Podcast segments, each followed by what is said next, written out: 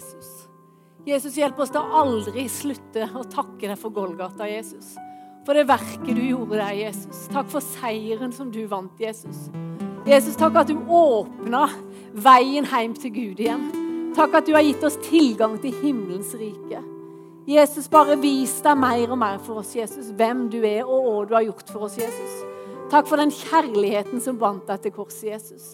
Takk at du gjorde det for vår skyld. Takk at du gjorde det for min skyld, Jesus. Hjelp oss å se at det var for min skyld, Jesus. Jesus, jeg bare takker og priser deg for at du er her. Jesus, gi meg nåde i kveld Jesus, til å formidle budskap som jeg opplever at du har lagt på mitt hjerte. Jesus, Jesus, la det bli til mat for vår sjel. Jesus. La det bli til frihet for mennesker. Jesus. Og jeg ber deg, Hellige Ånd, kom og blås liv i ditt ord. Takk at det er ingen, ingen foredrag, men takk at det er ditt ord som er levende og virkekraftig. Takk at du er her. I Jesu navn. Amen. Jesus. Nydelig. Takk for god lovsang. Det å aldri sluttes Oi, nei, da reiv jeg Bibelen. Å aldri sluttes å fascineres av det Jesus har gjort. Jeg tror bare han vil åpenbare seg mer og mer for oss. Jeg tror det er noe mer og mer enn for å se hva Jesus har gjort, jo mer og mer takknemlig blir en, rett og slett. Ja, Ler du, Geir? Ja, jeg kjente jeg har fått ny bibel. Jeg ble helt overgitt nå. Det er de ville faktene av og til. Eh, helt først så har jeg bare lyst til å si det at eh, Solveig Jøtterud, som mange av dere vet hvem er, noen vet kanskje ikke hvem det er, hun var medlem hos oss her i menigheten, gift med Asbjørn Jøtterud. Knut Øyvind og Turi gikk i menigheten her i mange år. Solveig hun døde denne uka her. Og Det blir begravelse for henne neste mandag her i Misjonskirka. Neste mandag klokka 11. Så la oss huske på Asbjørn eh, og be for han, og huske å få han med oss her i menigheten og invitere han med. For det, eh, det er vondt og det er tøft å bli alene. Og så vil jeg jo at vi skal huske på Kristoffer og Rebekka. Kristoffer eh, Nersten han eh, mista sin mamma brått. Så la oss huske på han òg. Han, eh, hans mamma ble det begravelse for i morgen klokka halv elleve oppe i Froland kirke. Men la oss huske på deg òg og be for deg. Og gjerne hvis du har mulighet, du som er hjemme på datid, veldig gjerne vær med og støtte opp om de to begravelsene. For det er noe med å kjenne at storfamilien er med. Når en kanskje ikke har så mange i sin egen, så er det godt å vite at det er en menighet som er en storfamilie. Mm. Flott. I dag, Jeg sa til Vidar og Geir jeg kom i stad, at eh, de klarte ikke helt å sette seg inn i det. da, Men dere som er damer og har, eh, er mammaer, dere klarer å skjønne hvordan det er å føles å gå gravid. Og så skal du endelig føde. For sånn kjenner jeg det i dag. For dette, eh, dette her er et budskap som har lagt på meg i ukevis. Og jeg kjenner det, jeg har liksom skrevet litt da, skrevet litt da, så har det kommet en tanke da, et bibelvers. og så Georg sa det hjemme i dag, du har vært unormalt stille. Og ja, jeg kjenner at dette her, det er noe som har lagt på meg. Endelig endelig skal jeg få lov å, å gi det ut. Men jeg kjenner òg at det har vært et sorr i hodet mitt. For det er så mange tanker, og det er så mye. Og så er det litt sånn Hodet har vært litt mange plasser, for å si det rett ut. Jeg talte på PH om fredag, konfirmanten, og så har jeg holdt på å forberede to begravelser. Og så da i dag så bare, Gud må bare gi meg nåde til å klare at det ikke bare blir et sorg for dere. Om det er litt sorg i mitt hode, så, så håper jeg at dere skal kjenne at, uh, at det blir mat for dere i dag. Ja. Og uh, Den hellige ånd må virke gjennom sitt ord. Det er sånn at uh, Overskriften er satt. Den er jo ganske, ganske, lang. Jeg kan få det første bildet. Det er rett og slett 'Den hellige ånds kraft, min lydighet, en vei til frihet'. Det skal innom litt forskjellig. Jeg var så heldig å være sammen med Håkon Fagervik forrige helg. Han var med på konfirmantleir på Vegårtun. Og Håkon jeg måtte si det til han, han har alltid vært et forbilde for meg. Har, jeg ser det for meg, sa det, Du står der, så har du alltid sagt det at du har pekt på altså, Den hellige ånds kraft. Eller Jesus har han alltid sagt kan stå ause og ause, og det går aldri tomt. Og det er fantastisk at det er en kilde vi kan få lov å ause og ause av, som aldri går tom. Det er nydelig. Han har alltid vært et forbilde for meg på det. Så du vet, Astrix han overvant stormakten i Rom med bare noen få dråper styrkedrikk. Og jeg husker skipperen jeg var liten, han spiste spinat. Da ble han sterk. Vet du noe? Du og vi som har tatt imot Jesus, vi har fått tilgang til noe mye sterkere Vi har fått tilgang til en hellig ånd, og det er saker. Det er det. I Paulus andre brev til korinterne, det skal vi inn litt i dag. Eh, der er det et nøkkelvers i kapittel 4 som jeg skal komme litt inn på etter hvert. Men jeg bare tenkte å si litt at eh, Der var det en kultur på den tida der i, i Korinterne når han skrev det brevet. der det var altså, Det kan være litt sånn som det er faktisk hos oss nå. Det var en kultur for, der idealet det var eh, styrke og framgang. Og det var heller litt skambelagt og det å håndtere svakhet eller lidelse eller prøvelse. Og Kanskje det var det derfor at Paulus setter litt fokus på dette temaet, at, nemlig at Guds styrke er det som fullendes i vår svakhet.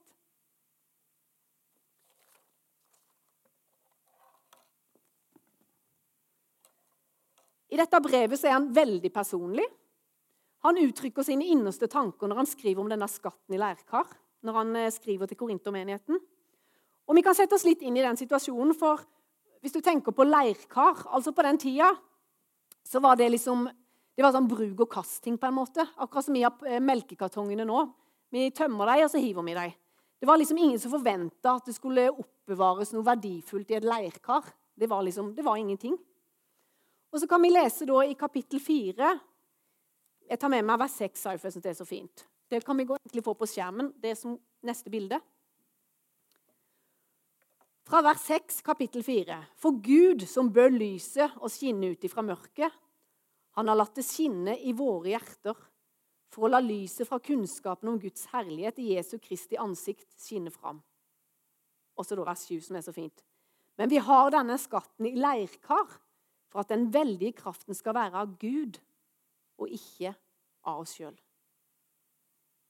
Det er fort gjort at Når en liksom leser det bibelverset, der, så tenker en bare på det at eh, å nei, det er skrøpelige leirkar som så fort kan gå i stykker og, og er så elendig og svak. Men jeg tenker, la oss lære det at svakhet kanskje da er veien. Hvis Gud gleder seg over å bruke det svake, så betyr det at han gleder seg over å bruke meg. Fantastisk for en frihet. Hvis du ikke alltid kjenner deg så sterk, så kan du kanskje kjenne deg igjen i dette. Men det betyr jo at Gud ønsker å fylle den sprukne leirkrukka med sine skatter. Og det er ikke noen hvilke som helst skatter. Han ønsker å bruke deg når du føler deg svak, knust, sårbar og redd, til sin ære. Og La oss heller se på den rike kraften som er ifra Gud. Karet er laga og brukt som et bilde for å romme denne kraften. Og jeg tror Paulus skrev til menigheten i Korint for å minne deg på denne viktige sannheten. Dere, folkens, sannheten er at du trenger ikke være sterk i deg sjøl. For kraften, den kommer ifra Gud.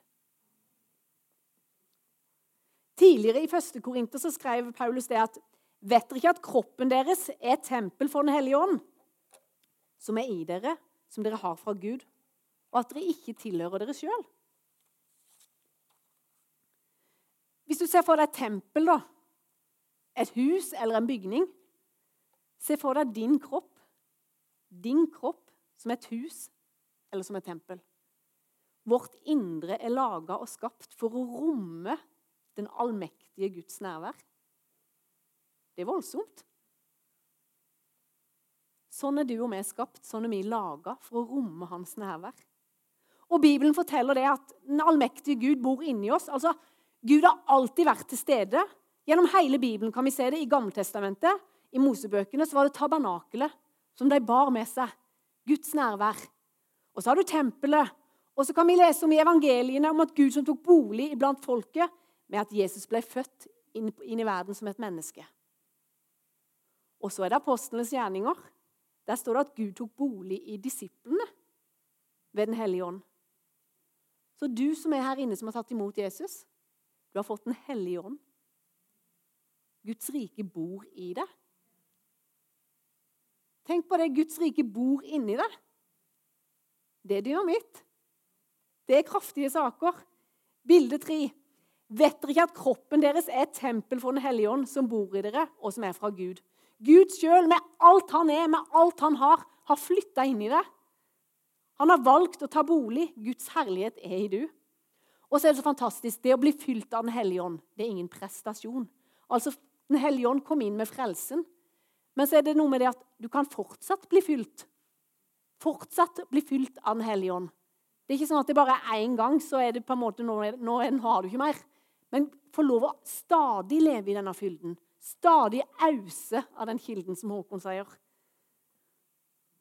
Jeg behøver en kraft utenfor meg sjøl. Det er helt greit å være svak, for Gud er den sterke. Det er noe befriende med det. Vi kan lese mange personer i Bibelen som hadde en sterk følelse av ikke strekke til. En av de som kanskje gir klarest uttrykk for det, det er jo Paulus. Men likevel så bruker han noen store ord om det å være kristen. Han sier det i 2. Korinterne 2, 15 og 16. så sier han For vi er Kristi vellukt for Gud, blant den som blir frelst, og blant den som går fortapt, skriver han. Men så føyer han raskt til hvem er vel dugelig til dette? Og hva er, for, hemmeligheten for Paulus at han allikevel kunne brukt? Hvorfor ble han egnet? Åssen ble han brukt? Selv om han hadde en sterk følelse at han strakk ikke til. Så kan vi lese senere om at det å bygge på hva Jesus har gjort, og Jesus gjør for oss i dag For han sier det veldig tydelig. Så sier han litt seinere i brevet så sier han Gud gjør oss dyktige. Bilde fire. Kan vi ikke lese det sammen, da? Dere så slapp dere å søvne, liksom. Gud gjør oss dyktige. ok? Er dere klare? Vi tar, vi tar litt, sånn der, vi tar litt sats. Én, to, tre. Gud gjør oss dyktige. Vi har stor tillit hva Gud vil gjøre gjennom oss på grunn av Jesus. Vi er ikke dyktige i oss selv. Men Gud gjør oss dyktige og hjelper oss til å tenke rett. Det er jo Han som gjør oss i stand til å være Hans tjenere for å fortelle verden at vi lever i en ny tid. I vår tid gjelder det ikke å følge bud og regler for å oppnå kontakt med Gud. Nei, slike regler fører heller folk bort fra Gud. Ved å overgi livet vårt til Gud og ta imot Hans ånd, blir vi fylt av nytt liv. Var ikke det ganske oppmuntrende? Det er lov å smile. Jeg syns det er fantastisk. Jeg.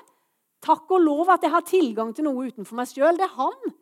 Det er han. Og jeg kan ha stor tillit til hva Gud vil gjøre gjennom meg på grunn av Jesus.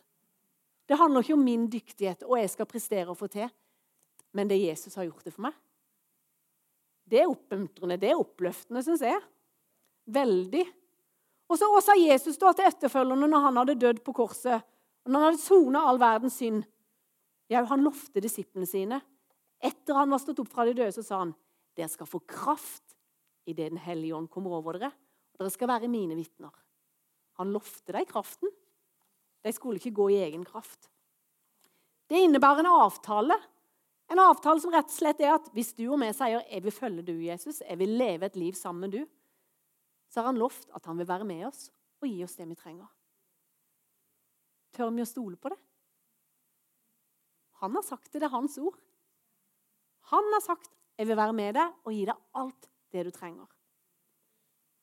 Og Jeg tror ikke det er sånn at Paulus prøver å fortelle oss at det var et, liksom et strengt sett av lover og regler i Gammeltestamentet, men litt mildere i Nytestamentet. Nei, det tror jeg ikke. Jeg tror han prøver å fortelle oss at det skjedde en endring av tanker og av sinn. Vi kan jo lese om eh, disiplene var sammen med Jesus en gang. Så var, var, det noen der som ikke ville ta imot Jesus. De ville ikke på en måte ta imot det evangeliet som han forkynte. Og, og disiplene ble liksom De vil ikke høre, de vil ikke ta imot. Eh, så sier disiplene skal vi be ild fra himmelen komme og fortære deg?' Det var liksom deres reaksjon. Det var liksom sånn de svarte. Men da sier Jesus skjønner dere ikke hva slags ånd dere er? Det er feil hjerte. Det er feil duft. på en måte, Det er feil tanke. Dere må la dere bli forvandla. Sinna deres må begynne å tenke annerledes. De var klare. liksom, La oss få ild fra himmelen. Og Når bokstaven, altså loven, sier at du skal og du skal ikke, så er jo det sant. Men med åndens lov så gir den oss ikke bare bud eller regelen, men ånden gir oss kraften som gjør oss i stand til å handle etter det som er Guds beste for oss. Det er en stor forskjell at vi har fått ånden, vi har fått kraften, som vil hjelpe oss. Galaterbrevet der har jeg vært i litt i det siste. Det blir også kalt friheten i Kristus. Fantastisk brev. Friheten i Kristus. Og der snakker Paulus om å vandre i ånden. Faktisk jeg så det at Hele sju ganger i et lite avsnitt så snakker han om ånden. Og 15 ganger i hele brevet. Og da tenker jeg, da må det være ganske viktig. Når han sier det så mange ganger. For jeg tenker at For å leve et liv som ærer Gud Hvis jeg skal leve et liv som ærer Gud, så er jeg helt avhengig av Den hellige ånds kraft. Jeg kan aldri i min egen kraft klare det sjøl. Ellers blir det bare at jeg lever etter kjøttet, eller kjøddet, som vi sier i Froland. Og ånden vil heldigvis den vil hjelpe meg til å seire over det kjøddet begjærer. For hva er dette kjøddet, da? Ja, Der er det ikke mye godt. Det skal jeg love deg. Det er ikke mye godt. I Galaterne 5, 19 så står det Først vil jeg si det som er fantastisk òg, er jo at eh, korinterne sier at dere tilhører ikke lenger dere sjøl. Dere er kjøpt. Prisen er betalt. Men så sier Paulus, bruk da kroppen til Guds ære. Det er ganske radikalt. På grunn av prisen er betalt, på grunn av Jesus har seira, på grunn av Jesus har gjort alt for oss. Ta imot den nåden, men lev da etter det. Lev etter, bruk kroppen til Guds ære. Og da er det det kjøttet mitt kommer inn. For hva er kjøttet for noe? Kjøddets gjerninger. Hva er det for noe? Ja, Der sier han i vers 19. Kjøttets gjerninger er åpenbare. Det er ekteskapsbrudd, det er hor, det er urenhet, urenhet det er skamløs utukt, avgudsdyrkelse, trolldom, hat, stridigheter, sjalusi, vrede, selvhevdelse, splittelse, partier, misunnelse, mord, drukkenskap, umoralsk festing og lignende gjerninger. Oi! Må puste etterpå. Det var en voldsom liste. Er du her inne og har levd mer enn ti år og er ærlig, så kunne vi vel alle kjenne oss igjen i noen av det som ble ramsa opp der. Hvis vi ikke vandrer i ånden, så er det veldig lett at vi lever ut dette negative i våre liv, som blir kjøddets gjerninger. Ånden er sterkere. Vi klarer det ikke sjøl, men Gud vil hjelpe oss hvis vi vil ha Han få rom og få rett i våre liv. Men Vi vil aldri klare det sjøl, men Han vil. For er det motsatte av kjøttets gjerninger? Jau, det er åndens frukt. Det er ikke Vidars frukt, det er ikke Ole Georgs frukt, Kristines frukt. Det er åndens frukt. Takk og lov. Og åndens frukt, hva er det for noe, da? Ja, det er kjærlighet. Det er glede. Det er fred. Det er tålmodighet. Vennlighet, godhet, trofasthet, saktmodighet og sjøltukt. Ingen av oss klarer sjøl å produsere fram denne frukten i våre liv. Og det er heller ikke meninga. Da hadde det jo blitt vår frukt. Noe jeg kunne ta æren av. Men det er åndens frukt. Et verk av Den hellige ånd. Amen. Enda høyere. Frukten er et verk og et resultat av at Den hellige ånd får lov å bo og virke gjennom våre liv. Og så Legg merke til det at kjødets gjerninger det er flertall. Nå går jeg inn på litt sånn norsk, jeg hadde studert litt på det. og Det står kjøttets gjerninger, men åndens frukt det er entall. Jeg tenker at Det forteller noe om en prosess. Altså, Det er ikke noe som vokser fram, kanskje åndens frukt. Det er ikke noe som vokser fram bare på én dag. Juhu! Nå, har jeg liksom, nå er jeg full av fred og glede og tålmodighet for alltid. Når jeg har fått alt. Nå er det liksom juhu! Det er prosesser i våre liv som vokser fram. Åndens frukt vokser fram med at vi lar kristenlivet vårt få næring, Bibel, bønn og la Jesus med sin Hellige Ånd få rom og plass til å forvandle oss innenfra og ut. Ta imot og tro på hans forvandlingsprosess istedenfor vår egen kraft. Geir snakka om det forrige søndag, at det å være kristen òg, å vandre, det handler om å modnes som kristen. Og det å modne som kristen, er en del av det, det faktisk, tror jeg, er å leve i omvendelse. Det er det å erkjenne synd i livet sitt. Vi leste i stad at kroppen vår er et tempel for Den hellige ånd. Vet du noe? Jeg tror Gud elsker oss for mye til å la oss forbli sånn som vi er.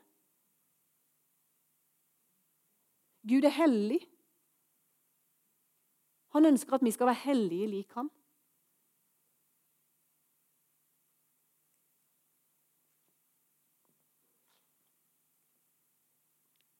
Hans ønske for oss er et liv i frihet. Og Vi leste jo om hva kjøttets gjerninger er for noe. Og vi leste hva åndens frukt er for noe. Eh, jeg vet ikke om det er neste bilde, men og mange av dere her inne kjenner til Froland misjonskirkes trosgrunnlag. Geir, du er betalt for det, så du må kjenne til det. Noen har sett det. Det er Skal vi se Neste bilde igjen, tenker jeg. Nei, det var forrige. Unnskyld. Trosgrunnlaget i Froland misjonskirke. Altså Hvis du går inn på hjemmesida vår, så står det 'Å tror vi på'. Det står forskjellige punkter der ramsa opp. Men et av de punktene vi har i vårt trosgrunnlag, det handler om helliggjørelse og åndens frukt i våre liv. Vi tror vi er kalt til å leve hellig liv i stadig opplæring og etterfølgelse av Jesus. Det er noe vi tror på i Froland misjonskirke. Det er noe vi har snakka om som er i vårt trosgrunnlag. Det handler om å både erkjenne og se at det er ting i våre liv som kanskje ikke alltid er helt på stell. Det er i hvert fall i mitt liv. Men at Den hellige ånd er den som skal forvandle oss. Så jeg tror jeg gode vaner i livet som fører oss i retning av Jesus. La oss be om tilgivelse og vende om når vi kjenner at vi er i de kjøttets gjerninger.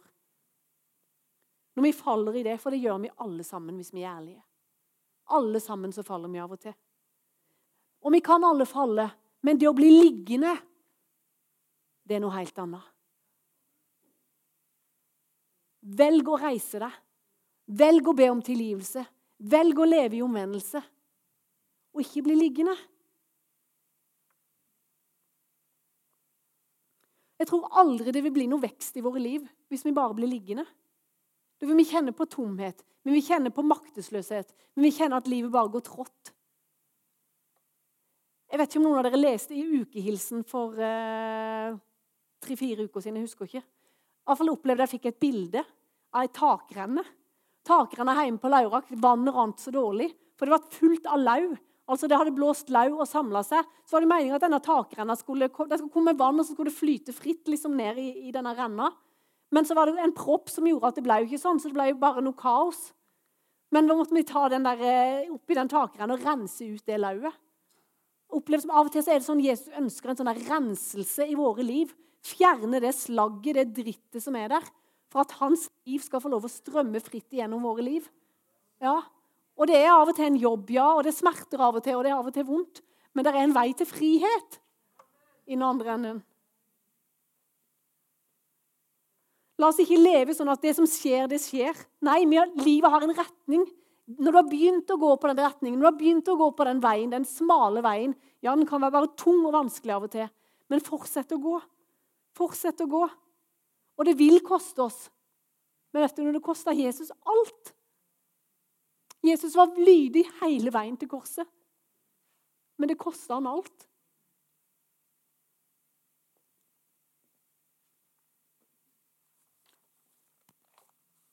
Gud har gitt du og meg en fri vilje. Fri vilje til å ta gode valg. Han sitter ikke i himmelen og styrer oss med sånn tråd som sånn en Pinocchio-figur. Du er ingen Pinocchio-figur som han bare styrer. Han har tro på at du kan ta gode valg. Han har gitt oss Den hellige ånd. Han har gitt oss sitt ord, som han leder oss igjennom. Ditt ord er en lykt for min fot og et lys på min sti, har han sagt. Han leder oss gjennom sitt ord. Han har tro på det. Han heier deg fram. Men vi må innse at vi trenger hans hjelp. Vi trenger hans ord. Vi trenger hans ledelse. Døperen Johannes han snakka om omvendelse. Vend om, for himmelens rike er kommet nær. Og bær derfor frukt som er omvendelsen verdig. Omvendelse det er noe mer enn å bli tilhenger av en lære. Tenk at Sann omvendelse betyr å endre tankesett å venne seg til Jesus og bli mer og mer lik han. Tenk, Det er Jesus sitt mål. At du og vi skal bli mer og mer lik han. Å, kjære Gud, tenk hvor tålmodig han er, tenker jeg bare. Hæ? Men det er hans mål. Han ønsker at du skal bli mer og mer lik han.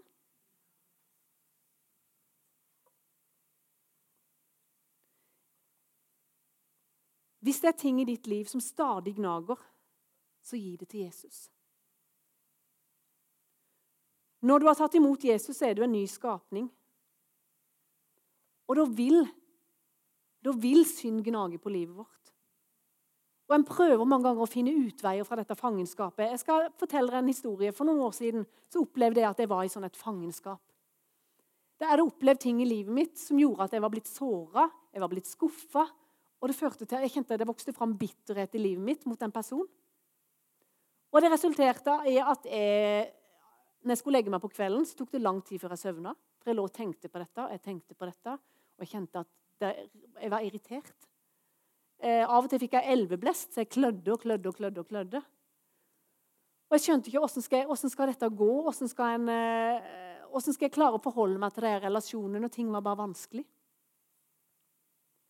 Og jeg ba Jesus, fyll meg med din hellige ånd. Jesus, kom, liksom Jesus, hjelp meg, Jesus.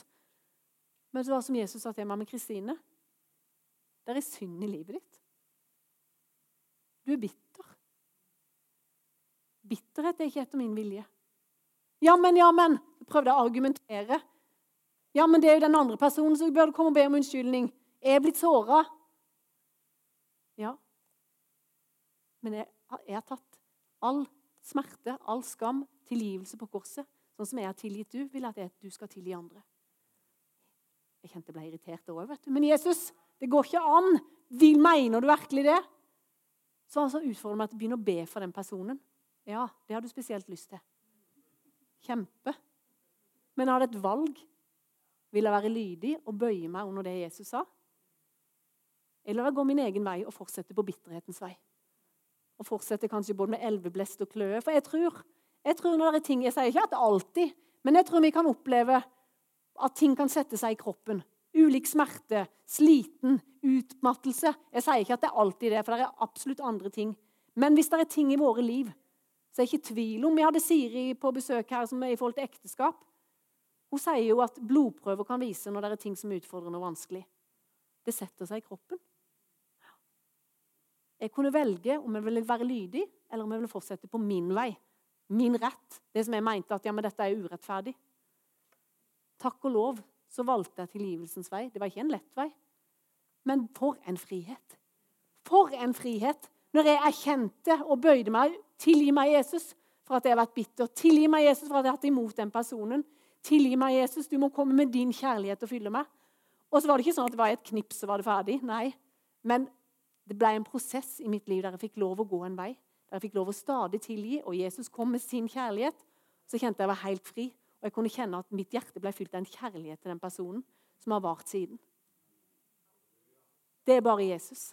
Det er bare Den hellige ånd. Men det begynte med min lydighet. Det begynte at jeg måtte bekjenne min synd.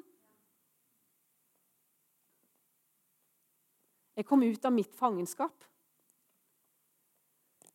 Jeg tror at jo mer jeg ser av Jesus har gjort for meg, jo mer ønsker jeg å leve et liv som ærer Han. Jo mer jeg ser hvor hellig Han er, jo mer ønsker jeg å bøye meg for Han som er hellig. For Han som elsker meg, og som vet hva som er det beste for meg. Både når det gjelder bitterheten min, både når det gjelder skuffelsen min, både når det gjelder baksnakking, det å råtne innvendig, når det gjelder Guds gode ordning for ekteskap mellom mann og dame, når det gjelder hissighet Alt sammen. Så tror jeg når jeg ser hvor hellig Jesus er, så er det noe med at jeg må bøye kne. Jeg må bøye kne. For jeg ønsker å være hellig sånn som han er. Jeg ønsker å leve et liv i etterfølgelse av han. Men det begynner med min erkjennelse.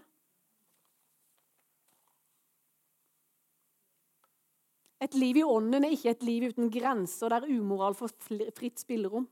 Du vil ikke at barna dine skal leve uten grenser, som Vidar så fint snakker om. Det gir trygghet. Åndens frukt i våre liv som får lov å vokse fram. Plutselig da jeg satt hjemme, så kom den der sangen eh, 'Jesus den eneste'.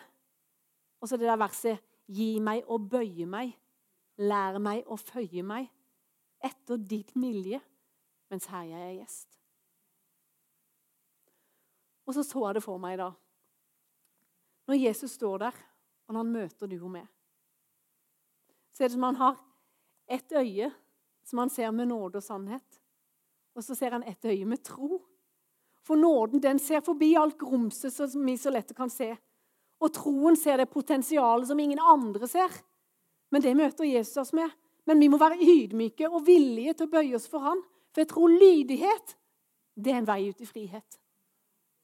Lydighet var en vei ut i frihet for meg, der bitterheten hadde fått satt rot.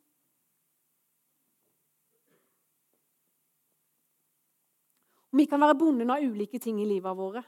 Så er det sånn at Av og til blir det sånn noen øyeblikk der Den hellige ånd kommer. Så er det akkurat som han setter lyskasteren på inn i våre liv. Inn på områder som han ønsker å endre på.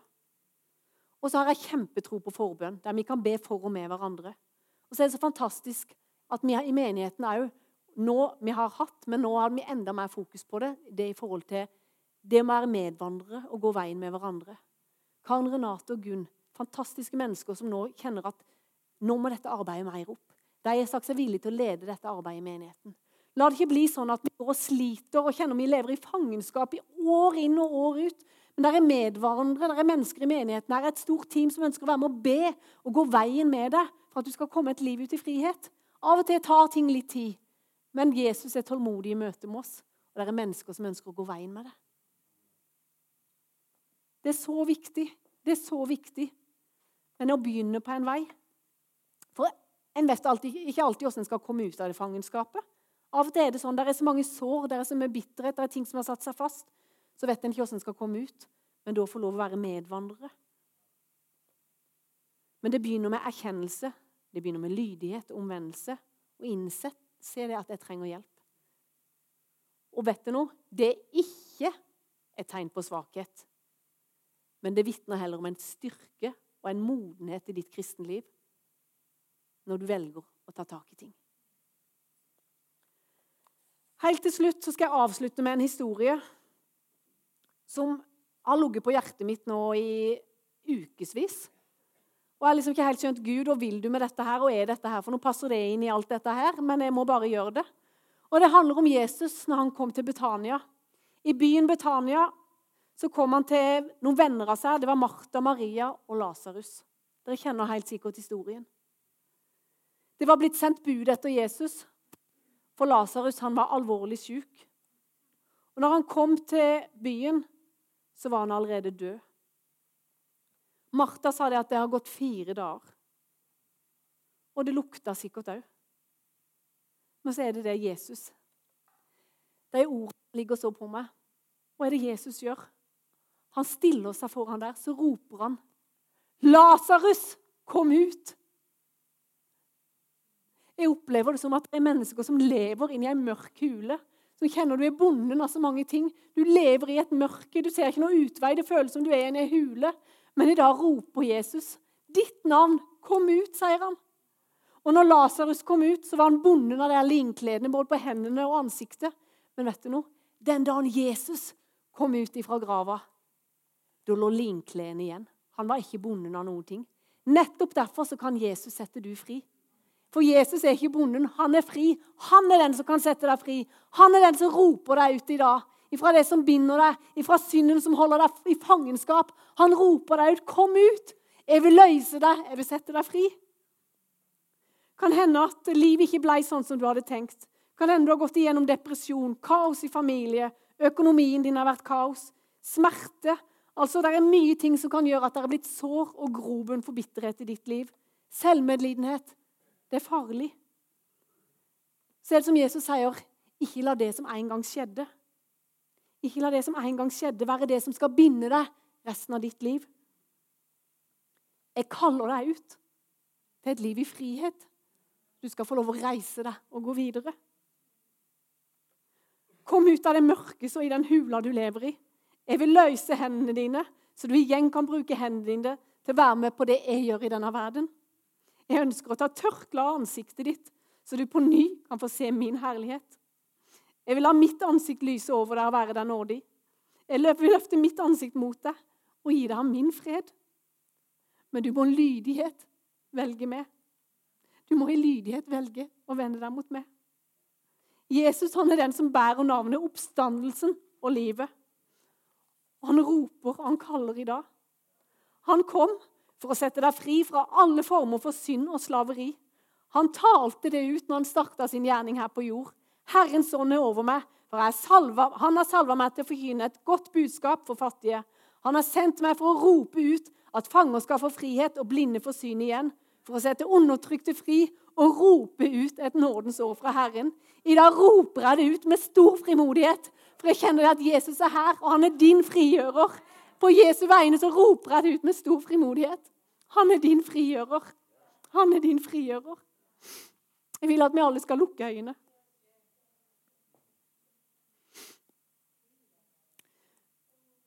Du vet sjøl hva det som binder deg. Av tankesett, av skuffelser, av bitterhet. Av negative tanker om at 'jeg har ingen gaver, jeg er ikke god nok'. Du som kjenner at du føler deg helt tom. Som trenger på ny at Den hellige ånd skal komme og fylle ditt tomrom. Så du igjen skal få lov å se hva du har fått, hvem du er, og at Guds kraft er det som fullendes i din skrøpelighet. Jeg vil at du skal rekke opp din hånd som et gjensvar på at jeg trenger jeg trenger Den hellige ånds kraft i mitt liv. Jeg trenger denne friheten. Og du som kjenner at Den hellige ånd setter lyskasteren på ting du trenger å vende deg fra. Synd som gjør at du ikke kjenner deg fri. Jesus roper, 'Kom til meg, så du kan bli tilgitt, og du kan bli løst'. Jeg vil at du skal rekke opp din hånd nå, som er en bekjennelse til Jesus. En bekjennelse til Jesus. Mange hender går opp. Takk, Jesus, at du er her. Takk, Jesus, at du er her. Takk, Jesus, at du er her og rører med mennesker.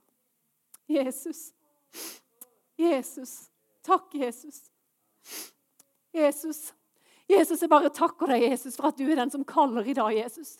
Du er den som kaller Jesus, og du er den som roper ut Kom ut og være løst i Jesu navn. Jesus, jeg bare takker deg for at du er frigjøreren.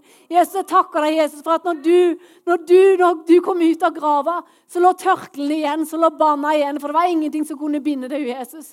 Derfor kan vi få lov å løse mennesker ut i Jesu navn. På grunn av ditt verk, Jesus. På grunn av din seier, på grunn av det du har gjort, Jesus. Og så kan vi tale ut frihet til mennesker her i kveld, Jesus. Frihet fra negative tanker, Jesus. Frihet fra tanker som er ulike dine tanker, Jesus. Frihet fra synd, Jesus. Frihet fra ting som binder Jesus. Frihet fra ting som prøver å trykke mennesker ned, Jesus. Og jeg bare priser deg, Jesus, for at du er den som kommer med nytt liv, Jesus. Du er den som kommer med din hellige ånds kraft, Jesus. Der vi kjenner at vi er sprukne kar. Så takker deg for Jesus, at du sier at vi, vår svakhet den fullendes i din styrke, Jesus. For det er din styrke det handler om, Jesus. Det er ikke vår styrke, Jesus, men det er du som er den sterke. Jeg bare priser deg for det at mennesker skal få lov å kjenne i dag, Jesus. At de kan ta imot din styrke, din kraft fra himmelen, Jesus. Å, Jesus, jeg bare takker og priser deg. Og jeg bare takker og priser deg for at du er her akkurat nå, Jesus. Jesus, Jesus, takk for dine nådøyer, Jesus. Takk at dine nådøyer, Jesus. Og Jesus, når vi venner oss til du, Jesus, så ser du potensialet i mennesker. Jesus, Jesus, når vi erkjenner Jesus, at vi trenger du i livet, bekjenner vår synd, så er du så raskt å tilgi Jesus. Og så heier du oss videre, Jesus. Jesus, jeg bare takker deg for det. Takk at du er her, Jesus. Takk at du er her. Jesus, fortsett ditt verk, Jesus.